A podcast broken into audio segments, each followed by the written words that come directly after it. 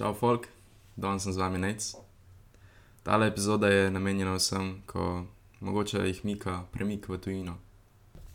Naš gost danes je Vito Meznarič.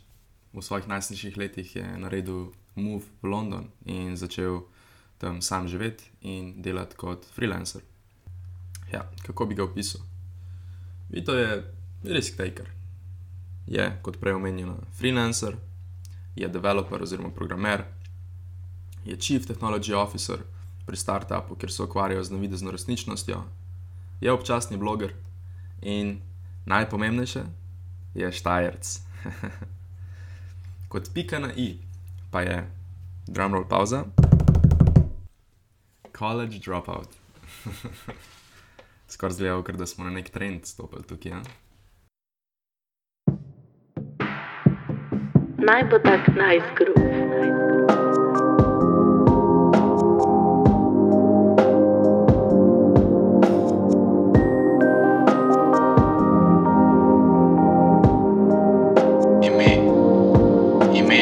Boglas Balloons, Balloons, Boglas Balloons, Boglas Balloons. Rita, ti si, koliko si bil star, ko si šel v London? Um, ja, 19, naredil sem prvo leto faksa. Um, eno leto sem tudi prej šel v šolo osnovno, tako da je vse eno leto zamaknjeno. ampak 19 je. Okay. Okay. In, in zakaj točno si šel v London? Um, načeloma nisem bil niti fejst fiksiran, na kje, kam točno bi račel. Uh, šlo sem bolj zato, da najdem nekje vrijo skočno desko, da si lahko kariero zgradim. Um, pa pa sem gledal v bistvu vse posod po Evropi, uh, kje bi se dalo najti kaj zanimivega. Uh, in na koncu sem pač v Londonu našel prvi job, pa sem šel tja. Plus koristilo je, da sem že bil v preteklosti tam pač na obisku, ne spoznal sceno približno. Hmm, okay. In kaj je bil ta prvi job? Uh, prvi job je bil Motion Picture Solutions, uh, bil sem programer, uh, delal sem na enem malem notranjem projektu, uh, bolj računovodski projekt, bolj kot ne. Um, ta firma Motion Picture Solutions sama pa se je ukvarjala z distribucijo filmov digitalno za kina. Um, teda praktično oni so sisteme v kina pošiljali, pa so preko našli filme, pa to vse. Sprav, to, je bil, to je bil IT job. Ja, IT job je bil, programiral sem, ja. um, ampak ja, praktično. In, mm, kako si pa, kako si sploh dobil ta job, oziroma kako si, um, zakaj, zakaj se je lahko tebe izbral, oziroma kako si pač ja, prišel do tega? Um, mislim, da sem na začetku nekih par rekruterjev na LinkedIn našel. Uh, sem malo jim pisal, vprašal, koliko pač kisko, ki jobe po, po na različnih straneh.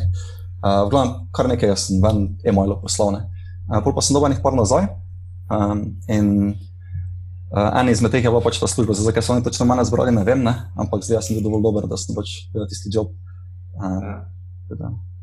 Hm. A se ti zdi, da je tvoja starost kaj vplivala na to? Pač, ko si bil 19 let star, slovenc, wow, da je mogel vzeti. Um, ne vem, če ne. Um, mislim, da že na prvem CV-ju nisem let gor, da pač nisem sploh mojih let povedal nikoli. Pač, če me vidiš, ok, lahko vidiš, če so me videli na kameri, pa to ne. Ja, Pa, če me vprašaš, ti bom povedal, ne. Uh, ampak načeloma mi je bilo, nisem let sploh povedal. Pa tudi polovica kasnejše jobe, nihče ni vedel, koliko sem star nikoli. nikoli. Ja. Hm. In koliko si zdaj star? Uh, zdaj sem 25. 25. No, okay, se pravi, to si, si rekel, da si prek LinkedIn-a rekruterjem pošiljal. To je bilo tako 6 let nazaj. Ja, pa tudi pač nekaj LinkedIn- ostalo. Ja. LinkedIn je bil takrat tako, ne še na točki, ker je zdaj, ker zdaj recimo skozi dobivam te spam maile od rekruterjev na LinkedInu. Tako da si bil A. eden izmed skoraj um, pionirjev. Mislim, ne vem, če, če, bi, če je to res. Tako se mi zdi, da a, je z časom a, vedno več folka definitivno pač začelo vedno več uporabljati, pa tudi ti, ko odrasteš, pol si vedno bolj zanimiv rekruterjem ne? A, in potem začneš spamati. Pač pol, recimo, ko sem lokacijo spremenil na London, pol se dejansko pravi spam začel. Ne? Na začetku je bilo pač nič kaj ne. A, Ja. Mm, štekam, ja. Hm. In a, se pravi, pri 19 si šel v London, zdaj jaz sem šel zdaj, pač pri a, 22 v Berlin, ne? In tako ne za skos, ampak je nekako prvič, ko bi lahko rekel, da, da sam živim, ne stran staršev. Ja. Od moje prejšnje družbe. pa tako. In kako, kako ti je bilo to, pa kaj, zakaj si se, zakaj si se točno za London odločil, ker si rekel, da si imel par mest? Um, pač London je bila definitivno najboljša priložnost, kako, kako podjetje je, pa plače, pa vse to. Um, tudi kakšen intervju mi ni rado na koncu, ne? ampak pač bilo je več nekih mailov, simpatija. Um, ja, pač tako da London je bil izbira čisto po mojem, zaradi tega, kako, kako ponudba prišla. Um, Drugič pa glede tega samega, kako je bilo prvič, ko, ko greš stran od doma živeti, pa pač ni bilo nekaj težko, zaradi tega, ker na začetku sem bil tako res, res uh, bizene. Um, sploh ta, ne samo 9 to 5, ampak ono, pač, da si cel dan te ni doma, plus še eno, eno urnik, ko mi ljudje v vsako smer, še nisi nič od dneva. Um, tako da na, na koncu koncev ni mi bilo težko, samo zaradi tega, ker sem bil tako da bizene. Um, plus, imel sem full kolegov, ki so prihajali na obisk, tako da je tudi pomagalo. Ja. In um, koliko časa je bilo to, ko si bil pač res tako full, full busy, kot si rekel? Um, to je bil oni prvi job, ker sem kar relativno daleč tam živel, tudi pač ta uh, vožnja me vsak dan bila, pa ono, da ja, ni, ni bila najboljša delovna kultura tam. Um, potem pa po pet mesecev sem bil v tistem prvem jobu, pa sem si drugega poiskal. Uh, tam je to najbolj full manageable, tu je, pač, če si šel na kosilo, pa to se ti je zraven štelo, ne nisi rado za pol posebej še ostati. Um, in ja, pol, pol pa se je nekako sprostilo, pa sem malo začel življenje bolj na, na easy gori živeti, se mi zdi. Mm. Hm. In se pravi, zdaj si že dva joba omenil. Ja. Uh, kaj je bila pol točka, ko si, um, oziroma kje si zdaj točno, kaj, s čim se zdaj ukvarjaš? Um, ja, zdaj, zdaj sem pa prišel to, da pač delam kot freelancer uh, oziroma kontraktor. Um, potem pa posledično sem, sem še prišel do tega, da še delam z ljudmi iz Slovenije, z dvema dobrima kolegoma sodelujem um, delamo skupaj tu gor na projektu, Team Leadom varianta. Um, team Leadom verjetno zato, ker sem pač največ izkušen iz te ekipe do zdaj zbrane, uh, ker sem šel dokaj hitro na job market. Um, ja. Kaj se še vpraša, kaj bo drugi del vprašanja? Um, spravi ta zadeva, ko jo, ko jo zdaj počneš, to, kar si rekel, da si, uh, da si team lead. Ja. Oziroma, ko s tema dvema kolegoma sodeluješ, kaj točno Yeah. Um, ja, okay, um, to v bistvu razvijamo platformo, je novo nastali startup. Uh, nas so zaposlili kot izvajalce, da bomo razvili pač produkcijo. Um, jaz imam načeloma um, rol CTO, uh, se pravi, pač da imam vso tehnologijo na firmi prek, um, ker tudi oni tradicionalno prihajajo iz um, nepremičninskega marketa, pač imajo ima svojo agencijo, svoje, uh, svoje podjetje za uh, development, uh, samega propertija tega. Um, pač za pol pa stvari samo izključno eh, razvijam produkt. Um, tako tak, tak smo na tega prišli. Ja. Mm. In, in sprav ste v bistvu neki podizvajalci, ste v bistvu, kar štekamo v bistvu za ta projekt. Ja, izvajamo, razvijamo direkt. direkt ja. uh -huh. In um, ni treba pač čisto v detajle povedati, ampak koliko je približno uh, tvoj uh, prihodek se pravi, ta tvoj freelance work proti temu, procentualno ali pa kaj takega. Kako ti misliš, freelance proti temu? A, pač dejansko to, to štejem za kot freelance zadnji čas. Mm, okay. Pač ja, ker še vedno preko pogodbe delamo, A, za njih nisem več zaposlen normalno. Um, tako da procentualno tega ne morem reči, tako kako je. Ampak to je trenutno edini vir prihodka. Ne? A, A, okay. Okay, to, to. to je dejansko edina zadeva, na kateri trenutno delaš? Ja, edina zadeva, na katero mi trenutno denar prinaša z dročka, še zraven delam na uh, eni VR igri uh, z eno manjšo ekipo. Uh, bolje tak hobi varianta, ampak upamo, da bo ti komercialno uspešno gledano. In to je isto slovenska ekipa? Ali? Uh, ja, večina ljudi je za Slovenijo, pa samo tu pa tam, kak je. Uh, ko nam je malo svetoval uh, od zunaj za game, za sound effect, smo imeli enega znoti dolga, um, za visual efekte se dejansko z enim slovencem pogovarjam kar pogosto, ki uh, je delal na League of Legends in podobnih špilih. Um, pa vsi slovenci bolj kot ne. Okay. In zdaj, definitivno si imel verjetno že priložnost toliko kulskih uh, tujcev. Uh, naših let spoznati, in zakaj si se jih odločil, nekak, da še vedno delaš slovenci, tok, ker imaš v bistvu te dve ekipci, ne? A ste to ja. isti folk? Ali... A ne, drugačen folk čisto. Uh, Mm. niti poznala Ok. se ne, v glavnem. Uh, Aha. Tako či, čist ni, ni, ni imelo zelo veliko veze, da so Slovenci. Ne? Mislim, definitivno ena stvar je, da uh, pač nekaj čutim do Slovenije, ne? domovina pa to. Uh, drugo pa, uh, pač folk, moj, moj, moj network je res večina slovenski, ne? Ogromno ljudi poznam za Slovenijo, pa, pa pač posledično zaradi tega. Ne? Um, vprašaš prvo kolega, nekaj poznaš, kako ti lahko to naredi. Um, ti takrat od kolega Slovenca po vsej verjetnosti. Um, to zato. Ne? To si jih spoznal na feriju? Ali... Uh, enega sem na feriju spoznal, enega pa sem poznal že iz srednje šole. Um, Okay. Huh. In spravo rekel si, da si bil eno leto na feriju. uh, ja, eno leto sem bil na feriju. Eno leto. In kako je bilo to eno leto? Uh, mislim, vse je bilo ok, ne? samo meni osebno ni dalo neke vrednosti. Ne? Uh, se mi zdi, da sem že pač toliko teh stvari prej delal, pa sam raziskoval, da pač sem se naučil kaj novega, definitivno, samo se mi zdi v večini zguba časa, ne? uh, da lahko toliko več naredim. ne. Uh, če grem za sebe, pa pač dalje nadaljujem svojo pot, ne pa da prvo počakam tri leta, da nadoknadi se vse skupaj, pa pol dalje. ne. Um, to, da se mi je zdelo, definitivno, da moram delati prej. Se pravi, še verjetno uh, ta programerski del faksa ti je bil verjetno res kot džabe. Ne? Predstavljam. Ja, programerski, del- programerski del Foxa je res bil. Uh, nisem imel nobenega problema, niti na najtežjih izpitih. Um, pa, imel pa sem problema tudi z ostalimi stvarmi, ker so ve- tam neki predmet, ko so ti vejice ocenjevali. To, me, to, to se specifično spomnim, to je verjetno najhujša stvar. Oj, Če nekaj oj. ne dan danes. Ne. Um, in se pravi, rekel si, da ti je programiranje tako že ful šlo prej. In kaj te je sploh spravilo recimo, na to pot programiranja? Pač omenil si mi uh, ta Call of Duty matchmaking sistem. ne? Ja. Uh, Okay. Ja, pač definitivno zaradi iger sem prišel na samo programiranje. Um, na začetku smo mi igrali dosti Call of Duty online za kolege, smo bili kao resen klan, pa to ne, moramo imeti spretno stran. Ne. Itak nismo rabili, pa slabi smo bili, ne, ampak glej, mi smo hoteli biti resni. Ne. Um, pa nešče mogel narediti spletno stran, pol pa sem bil jaz to. Um, sem to neko zadevo tako samo pač skup kopiral, bolj kot ne. Prvo sem videl, da se to dejansko malo spremenjati. Ne. In sem rekel, ok, se to, to dejansko lahko delaš. Je, pač lahko se to naučiš, to sploh ni nekaj tako težkega. Ne samo moraš malo eksperimentirati. Uh, pa, pa so se mi te začele milijon nekih idej roditi, kaj bi jaz lahko vse z tega naredil, ne. ko, ko sem malo tako samo skušal koncept programiranja. ne.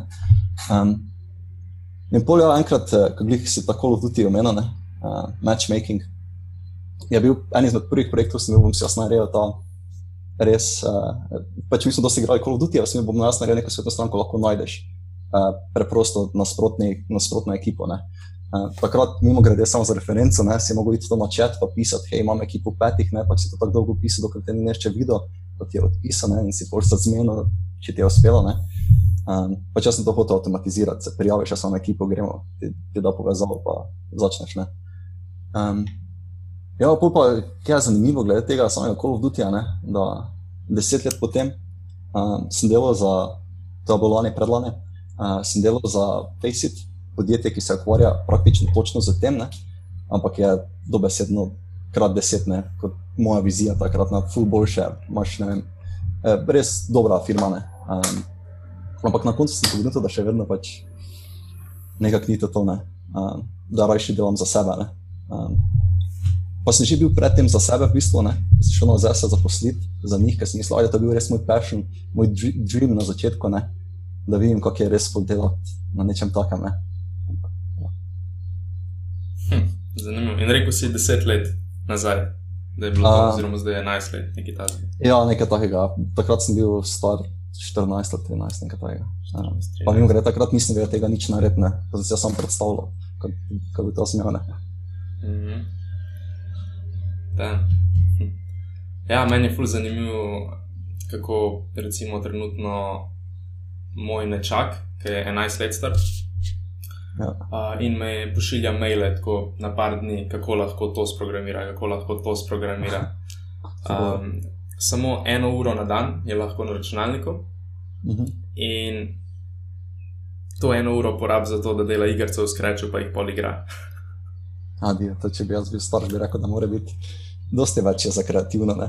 Jaz sem imel drugače Ja. podobne omejitve, ne, mi je rekel, da pač dve uri na dan si lahko na računalniku, več pa ne. ne.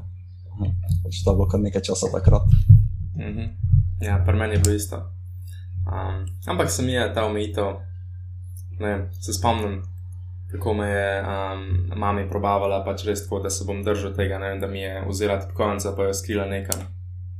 Ja, Sam se je pol sam rataš tako malo bolj iznajdljiv. Ne vem, Meni si sem nekaj časa virtualno tipkovnico uporabljal, ker sem bil tako 11 let Kar star. Um.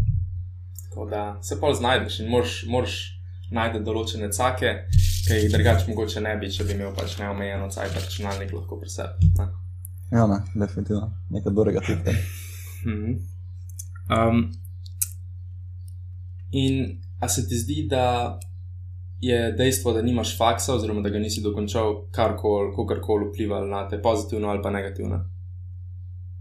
Um, ne bi rekel, da glih uh, kakorkoli vplivalo na mene. Sem pač upal že obe, obe strani, pač, da negativno vplivalo, pa da tudi pozitivno vplivalo. Ne. Um, recimo negativno, ne, če razmišljaš o kakšnih državnih projektih ali kaj takega, ene projekte je pač načeloma težje dobiti, to lahko reče, da negativno vplivalo. Uh, pozitivno pa pač folk mi je rekel, kako kdo da nimaš faksa. En, en folk je bil navdušen, zdaj ne vem, če to dejansko kaj koristo, je to, da samo pač tako veš. Um, To lahko bi rekel, da je v obe smeri. No. Meni osebno se zdi, da ni imelo veze z ničem. Res. Hm. Zdaj, jaz, če razmišljam, kaj je meni faks, prenesel pač jaz čez COVID dva meseca diplomiram, Ja. free. Um, sem jaz nekako network ljudi, ki znajo ful dobro programirati, imam zdaj okoli sebe ne? in poznam v vsaki firmi ljubljanski pač folk, ko dela. Tako da, če bom kadarkoli rabo službo ali pa nek nasvet ali pa pomoč pri kakšnem projektu, bom vedno vedel nekoga, ki mi bo znal pomagati. Ne? In jaz sem Ja. bil iz. Prej sem bil na ekonomski gimnaziji, tako da nisem imel nikoli nobenega okoli sebe, ki je znal programirati. Um, mhm. Tako da se mi zdi, da je to glavna zadeva, ki sem jo jaz dobil. Sam folk, ki ga imam v sebi. Definitivno. To sem čisto pozabil, ampak ja, ne, to, že za mene, ko sem tisto eno leto samo na Foxu naredil, pač največ, kar sem dobil z tega, to, da sem spoznal recimo enega izmed onih, ki delam s njim. Ja, Um, točno to. Točno tako da konc koncev je bilo vredno, ne, ful, pa, ni, pa to sem že večkrat slišal, pač je pa čist, čist ima smisel. Ne. Mhm. Hm.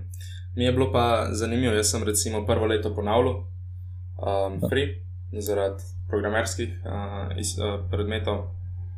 Ja. In sem potem čist drug folk spoznal, ko sem, ko sem bil ponovno v prvem letniku. In je bil res čist drugačen, kot je bil en letnik prej. En letnik prej so bili taki dobri programerji, uh, malo bolj, bi rekel, mm, ne geeky typi, predvsem. ampak ja, malo bolj introvertni. Ja. Pol pa naslednji, naslednji letnik, uh, ki sem ponavljal, je pa ogromno folka iz obale prišel. Ha, okay. In, in pa čist, druga, čist drugačen folk. In ja, je bilo, je bilo da zanimivo videti dinamiko. In sem v bistvu iz obeh dveh letnikov pobral tako ogromno folka. Tako da sem jaz skoraj boljš, da sem ponavljal. Ja, zanimivo, da če pogledaš tako res. Ja. Dobro, Pa tisti let sem se pa malo bolj zabaval, ker sem imel samo polovico predmetov. pa primorci zraven. Ja, ja, ja točno tako. Nice.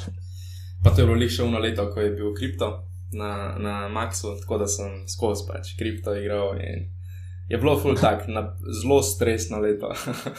Ups and downs. bom ne. rekel. ja. Ja. A ti si šukaj v kripto? Ja. Uh, smo imeli na tuju dejansko uh, mining farmo. Uh, O, ne vem, kako- Ker to, to, to še kar dolgo časa nazaj, uh, kako je bil takrat Bitcoin. Ne vem, mislim, da se je zlagal. Ne, nismo Bitcoina majnali, ampak ja, pod, Jurje, pod Jurja je bil ziger. Um, ja, drugače pa še predtem sem pa tudi že kupil, davno, davno. Ja? Samo, ja, samo nimam več večina tega, da si na za folk mislim, da sem jaz neki bogataš. Ne? Veš, kako sem jaz, če sem jaz prve sem kupil, se mi zdi, da 40 dolarjev. ne. In ko sem jaz videl, da je to šlo na 80, ne, sem bil tak, oh, shit, ker je double the money, ne. pa imel sem ono pravilo, da nekaj moraš prodavati, ker tako nikoli ne veš, veš, kdaj bo šlo ven. Um, tako da zdaj še imam neki vzorec, ne, ali kako ne rečem. Mm.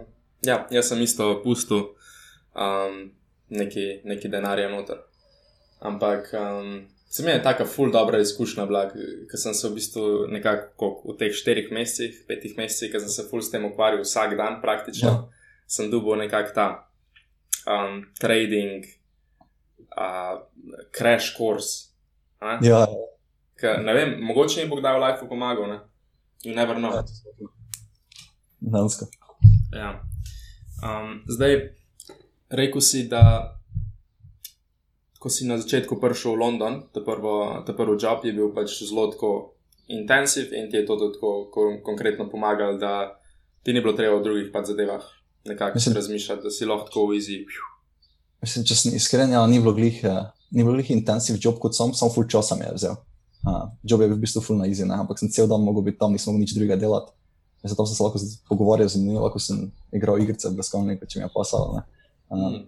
ampak konc koncev, ja, ni bilo, ni bilo to. to. Um, in a pa si bil tako konkreten programer že takrat? Mislim, tako, uh, sem delal že v ekipah malo prej, dosti sem že za sebe delal, ne? um, ampak bi rekel, da sem dosti bil slabši kot zdaj. ne. Um, sem pa pač vedel stvari nekaj narediti.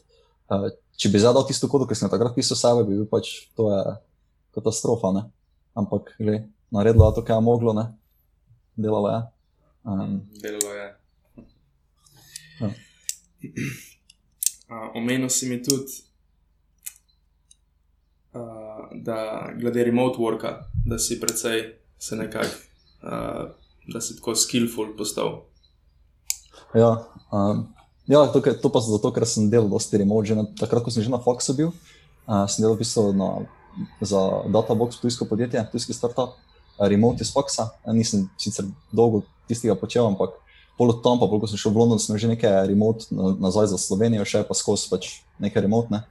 Um, tako da ja, sem, sem kar postal, mislim, večino časa, rekel, te dni sem cel čas delal doma. Ne. Tako da Mm. mi je že kar v krvi. Ja. Jaz sem nekako zdaj med, uh, med korono, vse cajt bil remote tle v Berlinu in dejansko mi je full, full všeč, full več imaš od dneva. Ja, to je najboljša stvar. Edini minus se mi zdi, pa te glavni minus je, recimo, če, če si v dobrem start-up okolju, je full fine biti s folkom v pisarni. Ja, definitivno. ne. In, in to imam jaz tukaj v Berlinu. Pač imam startup z devetimi ljudmi in nekako nisem, nisem mogel ga toliko experiencati. ne. Tako da to je, to je ta glavni minus, bi rekel. Ja, to, da ne veš z ljudmi biti, pa ga hangati, ja. Ja, pogovarjati. Ker doma face to face, dosti krat ideje lažje skomuniciraš kot pa z nekim tekstom. Ne? Ampak tudi s klicem ni še vedno ni enako, ne? ta mali delay, mene že dovolj moti, da ni isto. mm, pa sem jaz tudi tako, kakšni taki slide body movementi, ki jih zaznaš samo tako, če si uživo z osebo. In lahko Ja. conversation zelo, zelo, zelo lepš teče. Ja, definitivno. Mhm. Um, ampak Pa- naj rekel pa, da se ljudje bojijo, da remote delo, uh, da pa si ful manj efektivno, pa kaj. Ne? Pač jaz imam obdobje, ko sem bolj, bolj efektiven.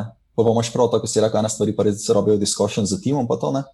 Um, pač to se je edino zdaj v koroni spremenilo. Prej sem se recimo enkrat na mesec, recimo, šel v Portsmouth do stranke, pa smo se pač pogovarjali face to face, da so se lahko stvari malo hitreje razčistile. Uh, ampak drugače pa bi rekel, da lahko si kar face efektiven, ja, to je remote. Mm. Ja, se mi zdi, da tudi to dejstvo, ko se ne, recimo, okay, če delaš v pisarni, se moraš furati, ne, in ta cel commute ti vzame dodatno vsaj eno uro na Ja. ja. dan. In res, toliko imaš več cajta zase v dnevu, pa toliko manj stresa imaš v lifeu, če lahko samo tako pač delaš doma, karkoli češ, oddelaš tistih, kogarkoli si pač zmeden ur, da delaš. Ja, ne. Res je tak, easy life, če primerjaš ne vem, z nekim nečem, kar so imeli včasih, kakšna težaška dela. Ja. A, samo zna pa biti tudi ful dvorezen meč, ne. A, Pač, kaj se meni tudi včasih zgodi. Ono, načeloma, če rečeš na neki delovni dan 8 ur, cirka, ne, a, pa ajde, vmes še delaš kakšno drugo stvar doma, ne, ampak na to ciljaš. Ne. Tega se mi zgodi, ker vmes recimo moram iti na pošto, pa me znam pol urco dve. In eh, pol večer, ko pride dejansko večer, sem šit, ok, nisem delal cel dan, bom za to noč še stisnil, ne. Pa se mi to naenkrat potegne v 4, 5, 6 ur, pa on je slabi feeling, pa drugi dan se to še nekako malo pozna, res, mislim, mor, moraš se res držati, ko si nareš od doma, pa bi to, ker tem delo pa konec. In koliko si konec, odklopi se. Ne? A, Ja, ja to je, to je pri meni, sem ja, ne bi rekel problem, ker v bistvu mi ne bi rekel, da se počutim slabo, ko, ja. ko kdaj pa kdaj preveč delam. Ampak imel sem tako takrat, ko se je korona začela, sem bil tako malo, malo v dvomih, kaj bo z mojim pač Erasmusom, ker vsi Slovenci so odhajali iz Berlina, te, ki so bili na Erasmusu tukaj. Um, tako da sem se lahko tako sam 100% fokusiral na, na delo in meni se sem tako ene 3 dni, 4 dni, takrat, ko se je res vse začelo tle v Berlinu, kar se tiče korone. Ko sem tako 12 ur, se mi zdi, da na dan delo in mi je tok sedel, pa še lih en tak projekt je bil, ki je bil tudi povezan s korono in smo mogli nekaj prehiteti, uh, naš competition, uh, ja. za vstop na market, tako da je bilo res tok intenzivno, ampak mi je tok sedel. Ja, um, to pa ti se zelo zgodi. Ja, ja. In sem jaz nekaj tazga, imaš lahko samo tako na startupu ali pa če zase delaš. Da si tako, da ti res ni problem, fucking 12-13 ur v neki. Ja, ne, imaš point za neko korporacijo, ko si samo, ker ti ne moreš, če hočeš dati več časa noter, večino ne moreš, ker so pač še ostali ljudje, ki so vključeni. In ja. pač moraš gledati odločitve drugih, ne pa vse skupaj toliko časa vzame. A se, se ti vidiš, da bi šel lahko kdaj um, v kakšno večjo korporacijo? Um, sem delal za Eurostar, ki mislim, da ima 3000 zaposlenih ali nekaj takega. Mm. Um, development oddelek, mislim, da ima kakšne 50 do 100 ljudi, um, nekih par ekip. Um, pa bi rekel, da je bila full, full dobra izkušnja s tem, kar sem se naučil. Um, da sem še bil drugo plat, kako je polk so stvari, najbolj počasne, pa najbolj na ziger delajo. Ker v startupu greš ono, eksperimentiraš na hitro, da vidimo, kaj se bo prijelo. Ne? Oni pa ne morejo tam gledati, malo na ključno. Um, in pa če ja, tam, ko sem bil, zdaj še dosta tajskih kilov, verjetno, ko so transferable za startup svet. Hmm. Štekam, ja. Ampak, a se zdaj pač vidiš, da bi šel lahko nazaj v tak environment? Um, ne vem, če ne. Um, to je moglo biti res, moglo bi se jim podreti, to, kar imam trenutno, pa, pa polje, da bi mogli. Ne, ja. Podreti se jim moglo vse, kar imam trenutno, verjetno, moglo biti malo v stiski, da bi šel nazaj, kar pa je ga verjetno. Mm, štekam, ja. jaz sem isto zdaj v podobni situaciji. Uh, praksa s tule se mi bo končala čez en mesec, pa pol, pol diplomiram, pa se moram pa nekako odločiti, kaj želim, da bo pač naslednji korak. Ne je ogromno odprtih možnosti, velika podjetja, mehna podjetja, start-upi, da grem direkt na svoje, da nadaljujem še enega izmed teh mojih mehkih projektov. Ampak sem jih, da sem full, kaj razmišljam. Ja. Najbolj mi definitivno diši, da grem ali vas Ne, ne, ne morem reči. Ne morem, pač okay. Vse te zadeve so mi, uh, so mi nekako zanimive. Pa šele 22 let sem star, tako da res ni ja, nekega. Um, ja. Ampak se mi je taka kulska, uh, kulska ja. pozicija, da lahko res tako v karkoli grem, kar si želim. No, definitivno. Ja. Drugač pa, mm, rekel si, da tudi kar se tiče knjig. Ja, si precej. Ja. Mislim, precej nekaj knjig sem prebral, ne. Um, skoraj vse knjige, ki so, so v bistvu na temo self-improvementa. Skoraj vse. Mislim, pač, ajde, ono, v osnovni šoli branja domača, nisem bila, ostalo pa ja, ne. Če novele, ne vem, novele, ne vem, res nazad ne prebral, kako. Hm. Šole. Štekam, ja. In kakšna, kakšna specifična knjiga? Kot je, ne vem, zelo, eh, zelo, ne bi rekel, pomagala, ampak tako razjasnila določene zadeve, kar se tiče mogoče življenja stran od doma ali pa start-up life ali pa take zadeve. Ja, ja danes je tako, kar nekaj različnih, pa za vsako temo, verjetno ne, zato ker si start-up omenil, ne, uh, lean start-up knjiga oziroma pač kjerkoli knjiga, ki se fokusira, kako biti, kako biti efektiven, ne, pa da ti da neki proces, kako startup lofat, dokaj efektivno. Uh, jaz sem njih startup prebral, definitivno verjel. Uh, žal se ne spomnim avtorja. Um, za življenje, samo kako je, je že atomic habits, pač kako same navade delujejo, pa te stvari. Um, ja, pač za, za iskreno se ti več ne spomnim toliko teh learningov, ne, ampak po mojem sem jih dokaj inkorporiral v življenje en čas držal, bilo počasi vedno manj, pa moram zdaj verjetno ponovno prebrati, pa malo refreshati. Mm. Uh, um, Prvo še ena knjiga. Kar si, si omenil, Atomic Habits. Ja. Uh, Smej je tako precej, precej knjig na podobno, na podobno temo. Sprav, da, da, lahko, da imaš neke dejanske principe, ki lahko točno inkorporiraš v svoj life in ti potem zelo pomagajo k temu, da ti držiš neke navade, neke pozitivne ja, navade, ali pa da se znebiš negativnih navad. Ja, in se mi zdi, da mogoče, ko prebereš knjigo, se ti zdijo kakšnih tako ene štiri ali pa pet teh uh, principov, fulkulskih, pa jih inkorporiraš v life, pa ja. pa tekom parih mesecev večina zgubiš, ampak en delček pa sem je ohraniš. Ja, exactly, ja. In, in dejansko je samo za ta delček vredno teh vem, 10 evrov, ki si zapravil na knjigi. Ja, definitivno.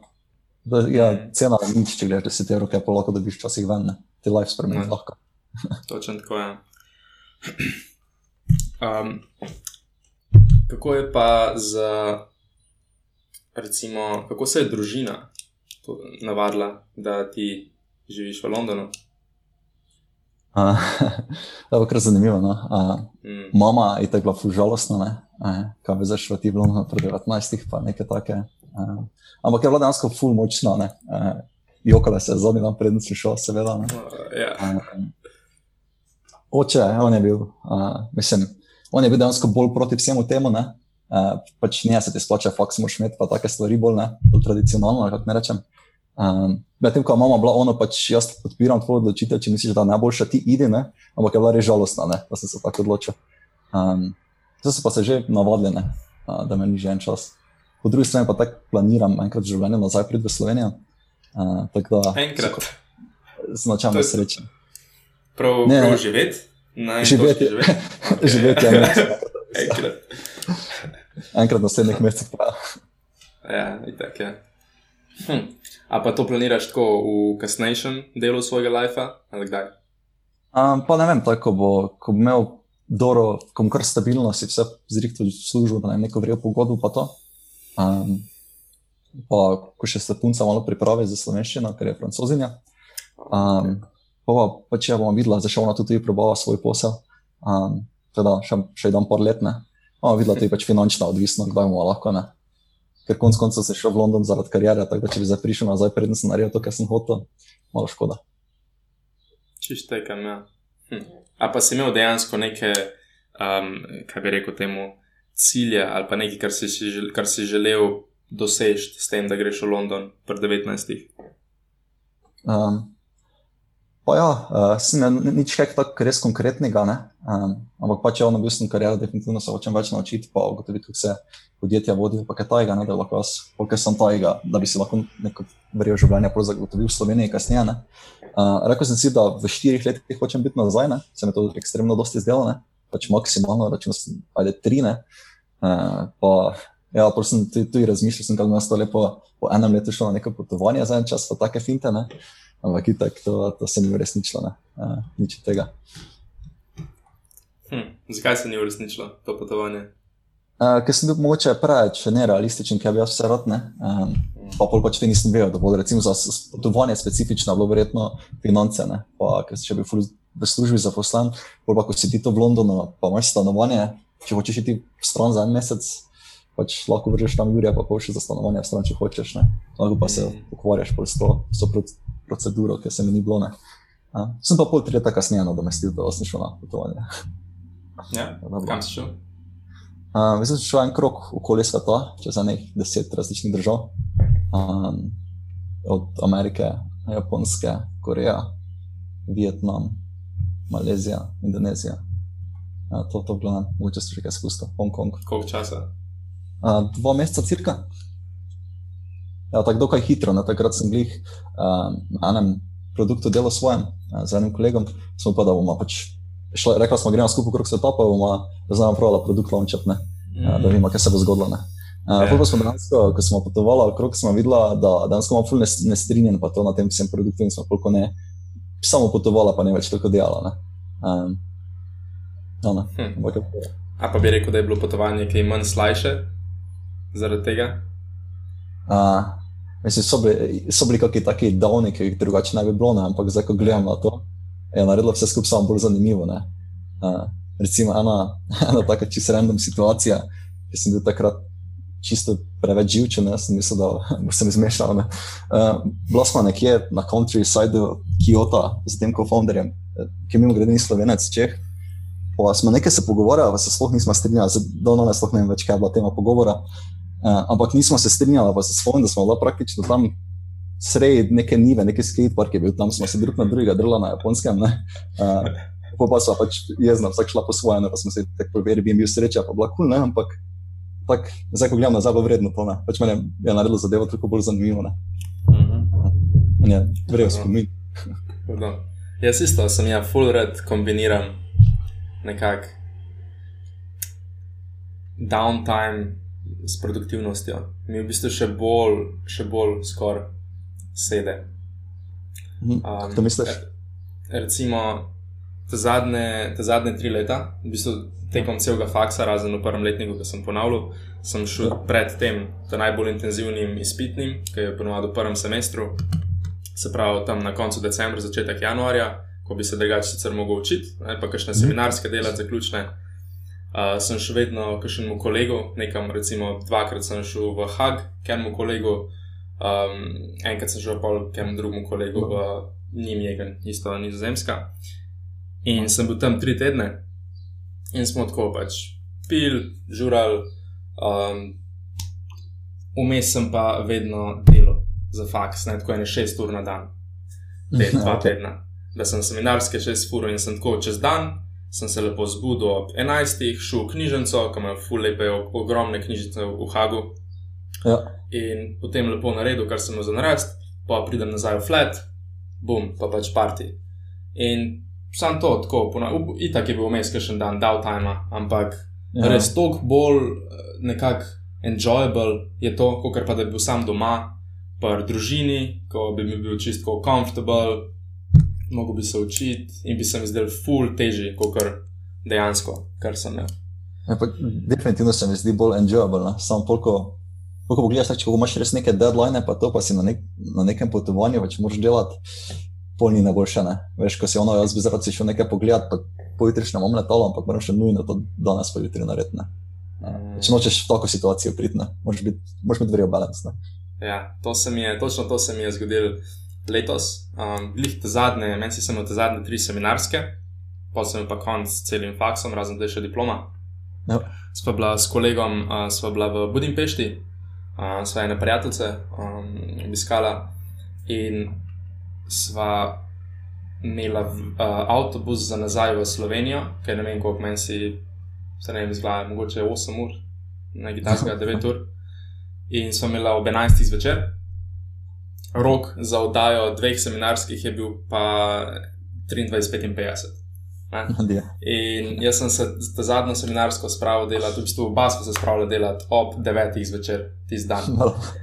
In, in pol še na avtobusu, Pa sem dejansko s profesorjem vzpostavil kontakt, meni si ob 11. zvečer, da sem pač na, na avtobusu v Budimpešti in če lahko pač za dve uri a, dodatno mi podaljšal oddajo. In mi in mi je podaljšal. Lepo. Um, tako da, in mogoče mi ne bi podaljšal, če ne bi bil jaz na avtobusu v Budimpešti. Ne? ja, ne. Čeprav, če bi vedel, da si šel partijat. Ja, Ej, ja, ja, ja, maybe, maybe. No, hm. Možno sem um, naredil. Ja, ja, sem vse naredil. Uh, zdaj, prej samo eno vprašanje, ki mi je ful se zdel. Hm. Ampak, ok, se pravi, pred 19. si šel v London, uh, faks si po enem letu pač skenil, a si dejansko med semestrom skenirali, kako je bilo? Ne po enem letu, ker, je, ker sem hotel tudi dokazati, da okay, jaz lahko Fox dejansko naredim. Pa načeloma, kot v prvem letniku, neč Fox si premisli, oziroma pada, ne? tako da je to neki dorej proof. Okay. To, je, to je dejansko dobra strategija, da dokažeš drugim, da brez problema lahko narediš. Teda mogoče še to ne. Uh, Sem na enem jobu, ne vem, glede Foxa, vprašal sem, če je on eno leto scenarij. Vem, da ga lahko nekaj tajega. Uh, to, da, mogoče to, ja, to, da nimam faksa, še vedno na nek način imam. Ne? Ja. ja, prvi letnik je res grozen, v primerjavi z um, spolom naprej. Okay. Mm. Škoda, nisem končal. ne, sem ne, čest nima veze. Ja. Um, zdaj, kaj, kaj ti je glavna zadeva pri tem, da nekako delaš sam zase ali pa da, da si tako freelancer, se pravi, da se ne ustališ nekje v enem podjetju, pa imaš tako cozy 9 to 5, pa se lahko bolj fokusiraš na druge zadeve v lifeu. Kaj, kaj, kaj je tukaj tvoj nekak? Um, ne vem, pa en, ena stvar je, da še nisem našel z nekom tak vizije iste, na čem bi lahko delal, oziroma sem našel z temi kolegi, ne, ampak pač za neke prejšnje jobe, pa tudi če so me zaposlili, ne, pač ne nekaj, par let kasneje prišel ti, kar tretiraš, kot da bi tam en izmed prvih na podjetju. Ne. Um, meni pa se zdi, da pač bi jaz rad imel veliki impact, v katero smer gre, ne, ker upam, da imam dobra ideja. Um, ja, ne, in se mi zdi, da pač to, da lahko po svoje uh, si zamislim zadev, pa executamo tako ful, ful, ful vredno. Ne. Um, pa ne, pa ne pravim, da vas vedno hočem za svojo pot forsirati, ne. ampak ono veš neko vizijo, si skupaj delimo, pa se skupaj pogovorimo, pa se skupaj odločimo, kam bo šlo dolje, ne. kot ekipa. Ampak se pravi to, da, da imaš dejansko impact. Ne? Ja, da Kot je- impact, ja, da verjetno Ja. ne več. Štekam, ja. In se mi je job toliko bolj enjoyable, Ja. če se zavedaš, da imaš impact. Ja, ne. druga stvar, ki se še mi zdi, uh, mislim, da to je rekel founder Dropbox ali ne, če se ne vem, um, da so v bistvu prva generacija, ki ima možnost narediti ne samo impact neki lokalni, ne, ampak da lahko daš nekaj celemu svetu, ne, zaradi interneta. Ne. Lahko res na milijone življenj vplivaš. Prvič v zgodovini človeštva, praktično. Ne. Pa če Mhm. mene vprašaš, smo zdaj še vedno na začetku tega, ne, se, kako dolgo, koliko je star internet. Ne. In. Ja, ja. to sem isto jaz. Uh, predvsej razmišljam o tem, sem jaz. Ko se, ko se lotiš kakšnih takih majhnih projektov, zelo lažje se mi zdi, da je speljati fizične projekte. Vem, da vzpostaviš še en event, biznis ali pa da začneš partije delati, pa računaš za to. Sprav neke fizične sisteme vzpostaviš, ki vidiš, da je v tvojem mestu luknja, in ti Mhm. pač zafilaš to luknjo, in s kolegi začnete to delati. In je toliko lažje začeti kasirati cache na tak način, kot pa da ti malo širše razmišljaš, itak, full bolj scalable in da greš neki na internet delati. Ja. Ne. Se mi je to Ja. toliko tok težji, risk je toliko večji, oziroma risk težji je dejansko executati, se mi zdi, da, ker je toliko bolj out of the, kaj bi rekel. Zanimivo. Ja. Pač Meni se zdi, da jaz sem glih z drugih, kako to na to prihaja. Jaz sem Mhm. vedno programiral, ne? vedno spletne strani delal, vedno sem razmišljal, koliko spletno stran lahko narediš, da boš pač naredil nora nekaj tajega. Ne? Mhm. Medtem ko nisem nikoli nobenega fizičnega, tako da ko sem mi zdaj rekel, da je to veliko bolj lažje, sem kar, of, jaz sploh ne vem, kako bi se lotil tega. Ha, zanimivo, zanimivo. Meni se je samo zaradi, ne vem, mogoče zadeve, ki jih opažaš okoli sebe in se te pol potem posledično zdijo lahke za izpeljati. Ja, ampak jaz, ko daš enkrat skozi, ti zdi, ono vse bo lahko, ne. Dosti Ja. ja. stvari je lahko, ko nazaj gledaš, ne. Točno lahko vidiš, pač tako step by step, kako si šel do tega. Če se pa nisi nikoli lotil, recimo, jaz se nisem nikoli konkretno, mislim, imeli smo kakšne take manjše projekte na Friju, še posebej tisto leto, ko sem padel. Uh, je bilo nafilan s mečkenim projekti, ampak vse je bilo tako prše do točke, ko je bilo malo tako executiona, pol pa, bam, se je pač, ker je tok, sem je, um, tak večji uncertainty je, Ja, ne. Um, pa toliko dlje časa se mi zdi, da je potrebnega uložiti noter, da ti prideš do točke, ko lahko ti lansiraš zadevo. Da recimo event, da imaš ti event biznis, ga lahko v, v dveh tednih pač postaviš, ne sprav, zmeniš se z venjujem, dobiš neko sponzorstvo in potem začneš povabljati kolege, tvoji kolegi bojo. Hopefully, ja. povabili še kakšnega svojega kolega, pol mogoče bo kakšni drugi, kar tako po nesreči opazili, venju bo tudi priporočil komu, bom in imaš 70 ljudi na svojem eventu. Ne? Ja. In če to samo delaš vsak teden, bo vsak teden ne, pet več ljudi, pa pa itak se naredi pač snowball efekt. ne. In, in Ja. zelo tako, kaj bi temu rekel, clear pot do tega, da ti dejansko imaš potem nekaj, nekaj kar lahko Ja, ne. Ne vem. In zdaj pa, kar se pa tiče software projektov, se mi zdi, da je pa, jaz si pa ne vem, ne bi si. Ampak Moja največja razlika- definitivno, definitivno me zelo mika. Uh, po mojem, največja razlika v tem, da ko ti imaš neko fizično stvar, dela, da ti da ful preprosto uh, prepoznati vrednost, kako jo delaš. Ne? In pol tu je preprosto računati za to folko. Ne? Medtem ko v softveru pa imaš pol neke tam sniki zadeve, da boš ga monetiziral, pa uh, izluščil ven na razvizera, pač nisem za to, ampak ja, ne. Ful teže je opaziti, pa pol ja moraš gemljati s tem, kjer so prave stvari, pa, I guess. Hmm. Štekam, ne. Hm. Ampak sem je že cajt, da, da se lotam nečesa mečkanga na spletu. Ker sem imel takih mehkih projektov, fizičnih sem že par tako izpel. Ampak to je vedno potem omejitev, kar se tiče scalinga. Ne? Ja, ne. Um, še posebej, če delaš stvari v Ljubljani. Okay. Ja. Ja, ne, za internetni biznis, pač, če misliš, kaj takega delati, po moje, se ti kar stačiti nekam na tujino sprobati. Ne. Mislim, če nekaj misliš financirati, tako bi lahko globalno pomagalo, zakaj te v Sloveniji, na Slovenijo samo je. Ne. Ja. Hm. Razen pa- podcast v slovenščini. Ja, ok, tako je. Pač, hoče se folku pomagati Sloveniji. Ne. Mhm. Mhm. Zdaj, kaj se ti je zdelo, ko si bil, ne vem, recimo 12 ali pa 11 let star? Kaj je bila neka zadeva, ki si jo hotel početi kasneje v life, oziroma ko si, ko si odrasel? Uh, takrat sem menda hotel biti neki hacker ali pa nekaj takega. Uh, Wow. zan- zanimivo je bilo, ker uh, moj ata me vedno, vedno mi je govoril, kako se bomo nekega dne naučila skupaj programirati. Ne? Nisem pa se nikoli naučila, ne? uh, on je drugač uh, profesor na srednji šoli računalniški na tu, ampak uh, ne uči programiranja, ne? Uh, mehatroniko bolj. Pač zna nekaj, on je res osnovno, res low level, to je dan danes skoraj več nišče ne rabi, ne? Mhm. Uh, mislim, vse še rabi, pač. Ja. Spletni programerji se dosti bolj rabijo. Ne? Um, recimo. Uh, in pol me je skozi to pravo, ne? Nek, neki robotek preprosti smo recimo skupaj naredila, ampak me je za tem programiranjem je vedno tako tizo, ne? ono, veš, to obstaja, ne? samo ne, ne, vem, ne vem realno, zakaj nismo nikoli do tega prišla, ne? ampak meni je to vedno v glavi ostalo in sem pol na koncu bil, sem jaz to sam naučil. Zdaj pa pol še tako se neko ono za Call of Dutyjem, ne, sem pa videl, kje lahko dejansko se naučim, ne. Um, pač videl sem, da bi rad to enkrat raziskal, kaj, kaj je sploh to, ne. Štekam, ja. Hm. Se pravi, imel že, ok, ampak hotel si biti hacker. Pa ja, tako neki film viš, pa udareš, pa se ti zdi zanimivo, pa te scene, ne. Eh, Pol, mislim, pol sem pa prišel do takega stopnja, da sem razumel, pa sem lahko kako stvar naredil, pa sem kako naredil, ne, ne šel v detajle, ne, uh, ampak nič kaj večjega, svojega. Um, ampak pol sem skušal, da z to kreativnostjo lahko dosti več v bistvu narediš, da hekanje je tak najbolj brezvezna stvar v bistvu tega programiranja, ne. Uh, čeprav se čuje zanimivo, ker delaš nekaj, kar ne smeš, ne, ampak ne. ono, moraš probavati tri dni neke različne stvari, pa upaš, da nekaj bo delalo. Ne. Nič ni fajn.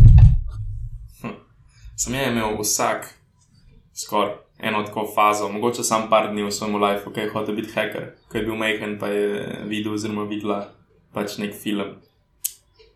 Pa jaz sem imel kar leta, ne, po moje. Ja. Sem kar leta. Ja. Kdaj si pa, kdaj si se zavedel, da bi bila mogoče life v tujini dejansko tako možna zadeva? Koliko si bil star?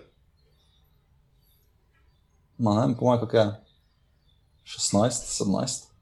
Um, ko sem prvič začel te startupe bolj resno raziskovati, pri 16 sem delal za prvi startup na Ptuju. Um, pa sem pač videl, kako to gre, no, oni so tako moja pisarna še v Bostonu, pa to. In sem videl, pač ja, ti biznisi so skoraj vedno nekaj v tujini, pa tam je dansko market, ne.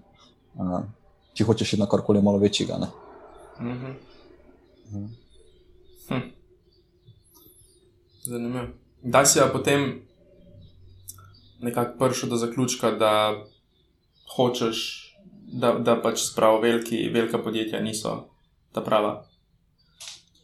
Um, mislim, ko, ko sem delal za veliko podjetje, uh, pa sem videl, da sem v bistvu samo kolesce, mašine in je tako vse robotsko delo. Pač, no, pa, pa se po eni strani se verjejo velika podjetja, ne, ker ti lahko uh, plačajo, ful pa lahko ti dajo stabilen lifestyle, pa se ne raš dosti sekirati, ne. Ampak ono, jaz ne najdem fulfillmenta v tem, če ne vem, na svoj način pomagati, koliko tako hočem, a ne. Če štekam. Ampak sem ja, to mi je tudi ful zdaj zanimiv uh, na friju opažati oziroma gledati moje kolege. Res lahko vidiš, kakšnim je čist top shit, da, da si najdejo neko veliko podjetje, recimo Outfit 7 in, in si tam dobijo nek job, Ja. in vejo, da, bojo, da bo pač tam lahko njihova karijera bila naslednjih 20 let. Ne? In to mi je toliko všeč, in si najdejo nek flat v Ljubljani, Ja. um, se uselijo s punco, in je life nekako na. Ja, s- Zdaj ne vem. Ne, pač Ampak stabilnost, ful- hočejo, to je, ko srečuje. Ja. ne. Ja, ja Pa- ful, je, ful mi je to zanimivo. Spomnim, v prvem letniku sem probaval še vedno, v prvem letniku Frija, sem hotel, da vsi okoli mene, sošolci, uh, isto razmišljajo tako pač o startupih, pa o Ja, ja, ja. projektih. Ne, in tako mi je bilo, Ja, fakt, zakaj, zakaj tebi to ni. Zakaj nisi bolj, ne vem, da, zakaj ne, ne bereš več o startupih, a ni to ti pač top shit. Ne? Ja, ja. In, in res, mislim, skor, če nimaš te želje po tem, se pravi po tem, da imaš ti impact, pa da, da si čist sam svoj, pa da imaš full dinamičen lifestyle. Če nimaš želje po tem, je v bistvu life po eni strani skoraj lažji. Ja, ne, od- zdaj, ja, to verjetno tudi v kakšni situaciji si, ampak načeloma, ja, ne, moj življenje lahko bilo verjetno čisto kul, cool, če bi hodil v službo, pa pač domov bil. Vse bo vse vrejo, ne, samo tak, taka vrsta človeka sem, da me to ne zadovolji samo po sebi. Ampak čisto razumem, da en folk pa ima to čisto dovolj, pa imam kar nekaj tajih kolegov, uh, Mhm. ki so v taki situaciji. Hvala, hvala Bogu, ne. Eni so Ja. dosti bolj veseli, kot jaz, ki se tu sekiram z nekimi bedarijami. Tako da, Ja, ja, v Kyoto, upiješ, no, prijatelje. Ja. Mm. Zdaj, če bi, če bi lahko šel nazaj, ko si bil 19 let star, preden, oziroma takrat, ko si prišel v London, Ja. a bi kakšno izmed, um, a bi kakšno stvar naredil drugače, oziroma bi prej začel delati, bi prej kakšen habit si vzpostavil, bi prej nehal določene zadeve delati. Um, no, ne vem, če bi rekel, ja, tako, da bi začel nekaj kaj prej za sebe delati ali kaj drugega. Sem kar verjel, še tako. No. Se mi zdi, da ko sem dobil neke izkušnje, sem šel pogledat, kaj se da s tem narediti. Uh, to, to, to, to me je kar verjel uspelo. ne. Um, Drugač pa, pač mogoče v enih primerih bi si upal, mogoče želim si, da si upal več, ne. Uh, pač da bi, da bi šel na več intervjujev, pa to včasih ne. Um, to je taka stvar, ki se mi zdi, da imamo vsi na začetku kariere problem, ne. Uh, nekaj strahom, da te bo da bo zdaj rejectan. Uh, Danes, ko se na intervjuju veš, koliko naučiš, ne? Uh, pač ne samo, kako se odgovarja na prava vprašanja, ampak danes, kaj so znanja, ki jih zahtevajo. Ne? Um, in pač, če bi jaz prej hodil na intervjuje, bi prej izkušal, kaj so znanja, ki jih zahtevajo, ne? bi lahko prej dobil boljši job. Ne? Um, to, to je ena stvar, verjetno, ki preden sem šel v London, če bi vedel, ne bi bil kar ono, ti samo probavi, ne, ne, da te ne bo stra- strah. Ne? Mm. Hm. Če bi bil zdaj le uh, star 19 let, Ja. a bi uporabil isto taktiko, kako si najdete job v Ja, tujini.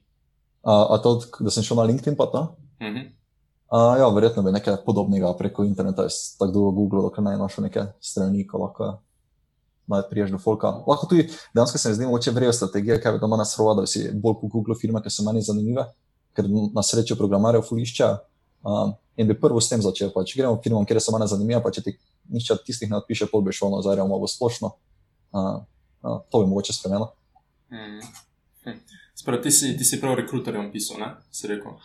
Pa rekruterjem, pa firmam, pa vsem. Ne, zdaj, ne- pol pa ja, ne še na e-mail napisal, pa mislim, da z LinkedIn prišel, ampak nisem stotstotni. Mm. Ja, jaz sem zdaj, ko sem tole prakso iskal, Ja. uh, sem imel sem idejo, da hočem iti v New York Ja. na, za tole free prakso. In sem, a poznaš knjigo Hooked? Ne. A, pač um, en avtor, a, ko dela intervjuje z CEO-ji od teh podjetij. Okay. In sem ga pač pospemil iz vseh strani, tako par mailov sem najdel njegovih, a, na LinkedIn sem mu komentarje pisal, to je bilo tako ene dva dni sem to delal in mi je ti podgovoril. a. In sem se, sem se zmenil pač za prakso v New Yorku, ampak pol je bil problem zaradi um, vize, samo za pet mesecev, pa še zaradi Trumpa je pač malo problematično dobiti. In pol, pol me je tip predstavil parim startup founderjem v, uh, v Evropi. In pol so me oni sami še tako naprej introducili svojim kolegom, ki so isto founderji. Ja, Uh, pol sem prišel eno sceno, ki se imenuje Cairo Society, ki je Ok. v bistvu zveza startup founderjev Evrope in Amerike. In ja, sem v bistvu samo prek tega potem tok. Jaz sem v bistvu skoraj skor tako izgledal, da sem jaz intervjujal pač founderje.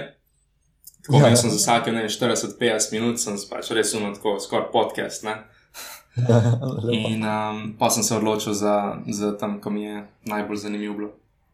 In se mi zdi, da Dober pristop. ja, in sploh nisem imel, nisem imel šanse reči, uh, oziroma imeti občutka, da, da, si ne bi, da, da recimo, si ne bi upal napisati komu maila, ker so me pač en drugemu introducili skozi. Na dan sem dobil mogoče štiri nove introdukcije. In, Ja. Noro. In sem bil jaz takoj dan v kontakt, sploh nisem jaz mogel nič narediti. Tako da Ja, ja. um, nisem imel čas, da bi mi bilo strah. Tako da se mi zdi, da je to najboljši pristop do večine takih stvari, ko imajo potencial, da jih ne boš naredil, ker te je strah. Se pravi, da si sam pušan v njih Ja, ne. in se moraš znajti. ne. Dobra. Um, ja. Isto sem jaz, life v tujini, sam sprobi, karkoli, karkoli, karkoli ti je tako, malo, malo se ti zdi, da je velika rizika ali pa kaj, sam sprobi. Kaj je najslabše, kar se lahko zgodi, pač? da čez Ja, no. pol leta greš nazaj domov. Ja, sploh to, zato je kar res naslabše. Se strinjam. Ja. Mm. Zdaj podcast uh, rad zaključim uh, s tem, da vprašam gosta, kaj, kaj pomeni sprav naš ime od podcasta. Sploh ne vem, če veš. Ne nisem, vem, ne. nisem povedal, ne veš. Ne, Želel sem pozoven, ne, ne vem, nisem povedal. ne nisem, nisem sploh omenil. Sprav, Ja. glass balloons. Glass balloons. Glas Stekleni balons. baloni. Stekleni baloni, ja. ja. Imaš kaj ideje, kaj bi to pomenilo? Let me think. No, prvo žogo nimam pojma, ne? če bi mogel gibati, pa bi rekel, da ima to z nekim krojem veze, ko so neki, neki stekleni baloni. Ampak, S Glass to uh, z nekimi kroji specifičnimi, ne vem, so to v Berlinu, kako je glas balons tam, pa kaj, ne vem. Um, realno, ja, Zanimivo. nimam pojma. Okay. Ampak da ti še malo tako um, backgrounda povem o startupu, mislim o, o podkastu. Ja, prosim. Uh, Spravo s kolegico uh, Zalo, Zalo Gajser, sva, sva to začela, ker sem ti meni se že omenil, ampak skratka, Ja. hočeva oba spoznavati folk, uh, zanimiv folk, slovence, potencialno tudi tujce, ampak primarno slovence, ko, ja. ko delajo nekaj več ne, v svojih mladih letih. Um, se pravi, to, to mislim vse pod 28 let, recimo. Tako da Ja. ti si še not. ne. Lepa, lepa. Ja, um, in se mi je podcast taka najjača nekakšna zadeva, kako lahko do tega prideš. Ne? Ja, ne, se pravi, lahko bi imel, lahko bi imel tako normalne konversacije pač s tabo oziroma s komorkoli, sam tako brez podcasta. Ampak se mi je to tako dobra, sprav teme, ko mene zanimajo, se mi Ja. zdi, da bi zanimale ful tudi mene, ko sem bil star 16-17 let. Ko Ja, sem to. želel si, recimo, malo podoben life, kot ga živijo ti, oziroma pač gostje. Ne? Ja, ne. Um, Isto, tako da- isto, jaz bi ta kontent takrat vse preposlušal, verjetno. Ja, ja, še posebej, ker so to res slovenci. Ne, ker sem ja, če greš pogledat na internet, pa zelo redko boš, mislim, kje boš najdel slovence, ko delajo zadeve, ko so tebi zanimive. Ja, ne, ne, no way. Ne moreš, Oj. ne mo moraš iti na kakšne dejanske meetupe v Ljubljani ali pa kaj od startup founderjev, uh, ki se neki določene zadeve se dogajajo, ampak če si pa izven Ljubljane, kaj boš No, pa? ne. Ne. Tudi ne vem, če se kaj v tem, tej smeri dogaja, mogoče enkrat na leto, kot meetup ali pa dvakrat. Eh, ima Big Data Box, mislim, da organizira. Eh, Mm. Stekam, drugo pa ne vem, če kaj. Um, zdaj, čisto za na konec, uh, bi sam še to, se pravi, največji pros in cons London proti Ptuju. Uh, pros, naj, največji pro je pač definitivno karijera, ne pa kako lahko Mm. stvari ti različnih sprovaš. Ne. Uh, pa da se stvari dogajajo, da so še vse proje. Ne. Um, pol pa, pol pa hitro priješ na konca, ne, pa tu je boljši, ne, tu je metropola. Um, na, na Ptuju pa bi jaz rekel tako, da varnost definitivno boljša, ne, uh, kak je folk napet, kak, kak se jim hitine, kak se jim mudi na splošno, gledam, tu se mi zdi bilo ono taki red race, vsi se trudijo, da bi čim več naredili z tega svojega časa, ne, uh, ko se začneš meniti za nekaj, da boš šel z kolegom na kavo, se zmeniš za dva ali tri tedne kasneje, ne, uh, medtem ko na Ptuju snil, čez 15 minut se dobimo tam, sure, pa si šel, ne. Um, Ja. Pol pa za kasneje, mogoče družinsko življenje. Um, pač meni se zdi, da bi v Sloveniji bilo definitivno boljše odrasti kot v Londonu. Um, to sklepam delno potem, ker je moja punca iz Lyona, Francija, ne? mesto, ki ima 2 milijona prebivalcev. Ne? In se ful z njo pre- po- pogovarjal, kako je ona gor odrasla, ne? proti temu, kako sem jaz odrasla. In sem tak, jaz ne bi zamenjal tega nikoli, pa še ona, tako, kako kak si ti imel to fajn, ne stvari. Ne? Um, specifično, recimo, ne, ko če si še hotel po šoli v park igrati, si se pač šel, ni, ni bilo problema, ne, pa si šel pol domov. Ne. Um, Medtem ko ona mogla, da ne vem, do 16. leta, vedno neki starši mogli biti pač zraven v parku pa gledati. ne. Uh, veš, če, če ni bila njena mama, je mogla biti mama od kolegice, ker je pač ogromno mesto, ne, ne moreš otrok malih puščati same okoli. Ne. Pač, mi smo imeli čist drugačen stil, ne, tako dosti bolj spro- sproščujoči, fajni v naravi. Ja. Um, ja, jaz ne bi menil. Ja, si predstavljam, pa če sem Ljubljančan ne, in zdaj odrastel sem v Črnučah, če poznaš. Ampak, um, tako da je, je malo bolj ruralno, kot je pač center Ljubljane. Ampak še vedno se mi zdi, da je verjetno Ptuj uh, še bolj nekako. Se pravi, zdaj, ko sem v Berlinu, sem bil uh, za en teden, sem zdaj nazaj v Sloveniji, v Ljubljani. Ja. In sam vibe, ki sem ga tako začutil, ko sem bil v Ljubljani, je prav tako skoraj šokiral. Nisem mislil, da sem tako hitro navadil na, na Berlin.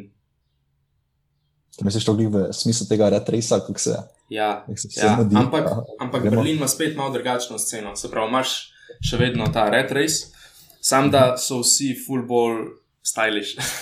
Oziroma, da so vsi full bolj take hipster duše ali pa artistik duše. Okay. Ja, Če te je. London je bolj business, pa finance, pa tako. Yes, yes, yes. Um, tako da ima, nek tak drugačen vibe, verjetno, kot ima London ali pa New York, še posebej. Ne? Ja. Nisi še bil Um, Berlinu, moram enkrat. Ja, ja, se mi zdi ful, uh, ful kulska zadeva. Zdaj še, no in ko sem bil v, v Ljubljani, uh, šel sem v, v Giga, če veš, kje je, sem šel na, na Gin and Tonic s parimi kolegi in smo bili tam eno uro. In v tisti eni uri je ene 15 mojih kolegov pač prišel tako mim in sem jih srečal. Ja. V eni uri. In to se v Berlinu ne bi nikoli zgodilo, čeprav pač poznam že precej folka tukaj. In to mi je prav tako, začneš čutiti, koliko je Ljubljana mehna. Ja, ne. ne. ja, res je. Ja. Tak, Res. Jaz sem v šestih letih um, na ulici srečal znancev dvakrat. Mislim, ne štejem to, ko sem pred službo ali pa pač res nekje med malo sreče, ko foj- hodi folk okrog, ampak tako ono, šel pa sem sreča, da ga poznam. Tiste, to je full. Tako, skoraj na nek način lonely, mogoče, če si full navaden tazga vaškega življenja. Ne? Ja, ne, je znalo biti. Ja. Uh, jaz tega nisem bil tako navaden, da bi šel eh, na tuju na kavice hoditi, pač mimo je doči folk pozdravljen. Uh, Mhm. Ampak definitivno na tuju tako se Vsaki, vsa, z vsakim se lahko pogovarjaš, ker je, ker ima skupnega kolega. Ne. Ja, Ja, ja, ja. Ampak tu se mi zdi še glih tako vrejo, da se ne še vsi med sabo poznamo. Ne? Um, že glih tako se mi zdi ono najmanjša možna velikost mesta, preden ti neke, neke stvo, nekih stvari več nimaš. Ne? Veš, pol ti pa zgine, ne kot če je še manjši niž od shopping centrov, pa ne vem, nekih takih stvari. Ne? Kina pa, whatever, ne? tu še vse to manj. Mhm. No, tu sem res dopade, pa vse posod lahko reš pešne. Mhm. Hm. Ok, no da uh, zaključiva podcast. Kaj je ena zadeva, ki bi jo lahko rekel, ko si jo spoznal zdaj med korono? Ali glede sveta, ali pa glede sebe, ali pa glede česar koli. Tako glavna zadeva. Um, Kako razdeljeni smo, folk v mišljenju, ne? Koliko folka si dejansko misli, da to je hardcore conspiracy theory? Pa koliko folka dejansko ono, da pomagamo to skupaj rešiti, to čim hitreje.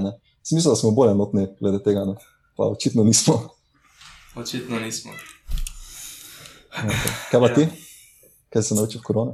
Um, da sem zelo dober o. Da sem zelo dober v tem, da lahko živim sam, bi rekel, brez polka okoli sebe. Oziroma, tako, rabim neki kontakta, enkrat na teden, recimo dvakrat na teden, um, drugače pa tako, ni mi, ni mi res problem. In ne vem, Ja. ali je to zaradi tega, ker sem pač uh, edinc, Mhm. ali ne vem, Ja. ne vem. Ampak Ja, Jaz sem, jaz sem tudi tako bolj najpač, ko sem komod za sebe, meni ni bilo problema. Tak, mogoče nisem najboljši eh, človek za to vprašanje, kaj sem novega spoznal v koroni, ker se meni življenje skoraj ni spremenilo. Ne. Pač on je en meeting na mesec, manj grem v Portsmouth, ne. pa ajde, ne grem na tu pa tam na kako pivo, ven s kolege. Pa, ne, vem. Mhm.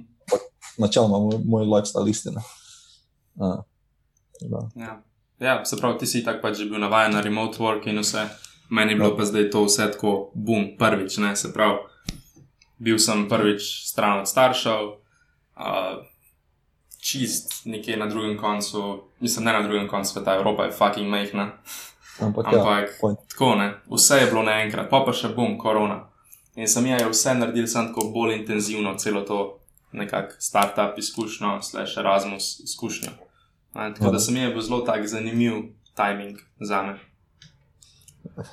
Definitivno. Me zanima, ko boš šel nazaj na to gledati. Korona bi v Berlinu. Ja, kako- pizda, to bo to bo stoprocentna zgodba, ki jo bom lahko povedal um, vnukom. Ne? Ja, ne.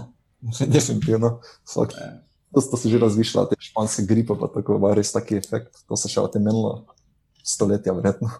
Ja, ja, to bo res tako del zgodovine. Ne? In vedno te bojo, po moje, tvoji potomci vprašali, pač dede, kaj si delal takrat, ko je bila korona. ne? Razen, če se bo nekaj ful večjega zdaj zgodil v naslednjih parih letih, kar je fucking čist možno. To je tudi vse.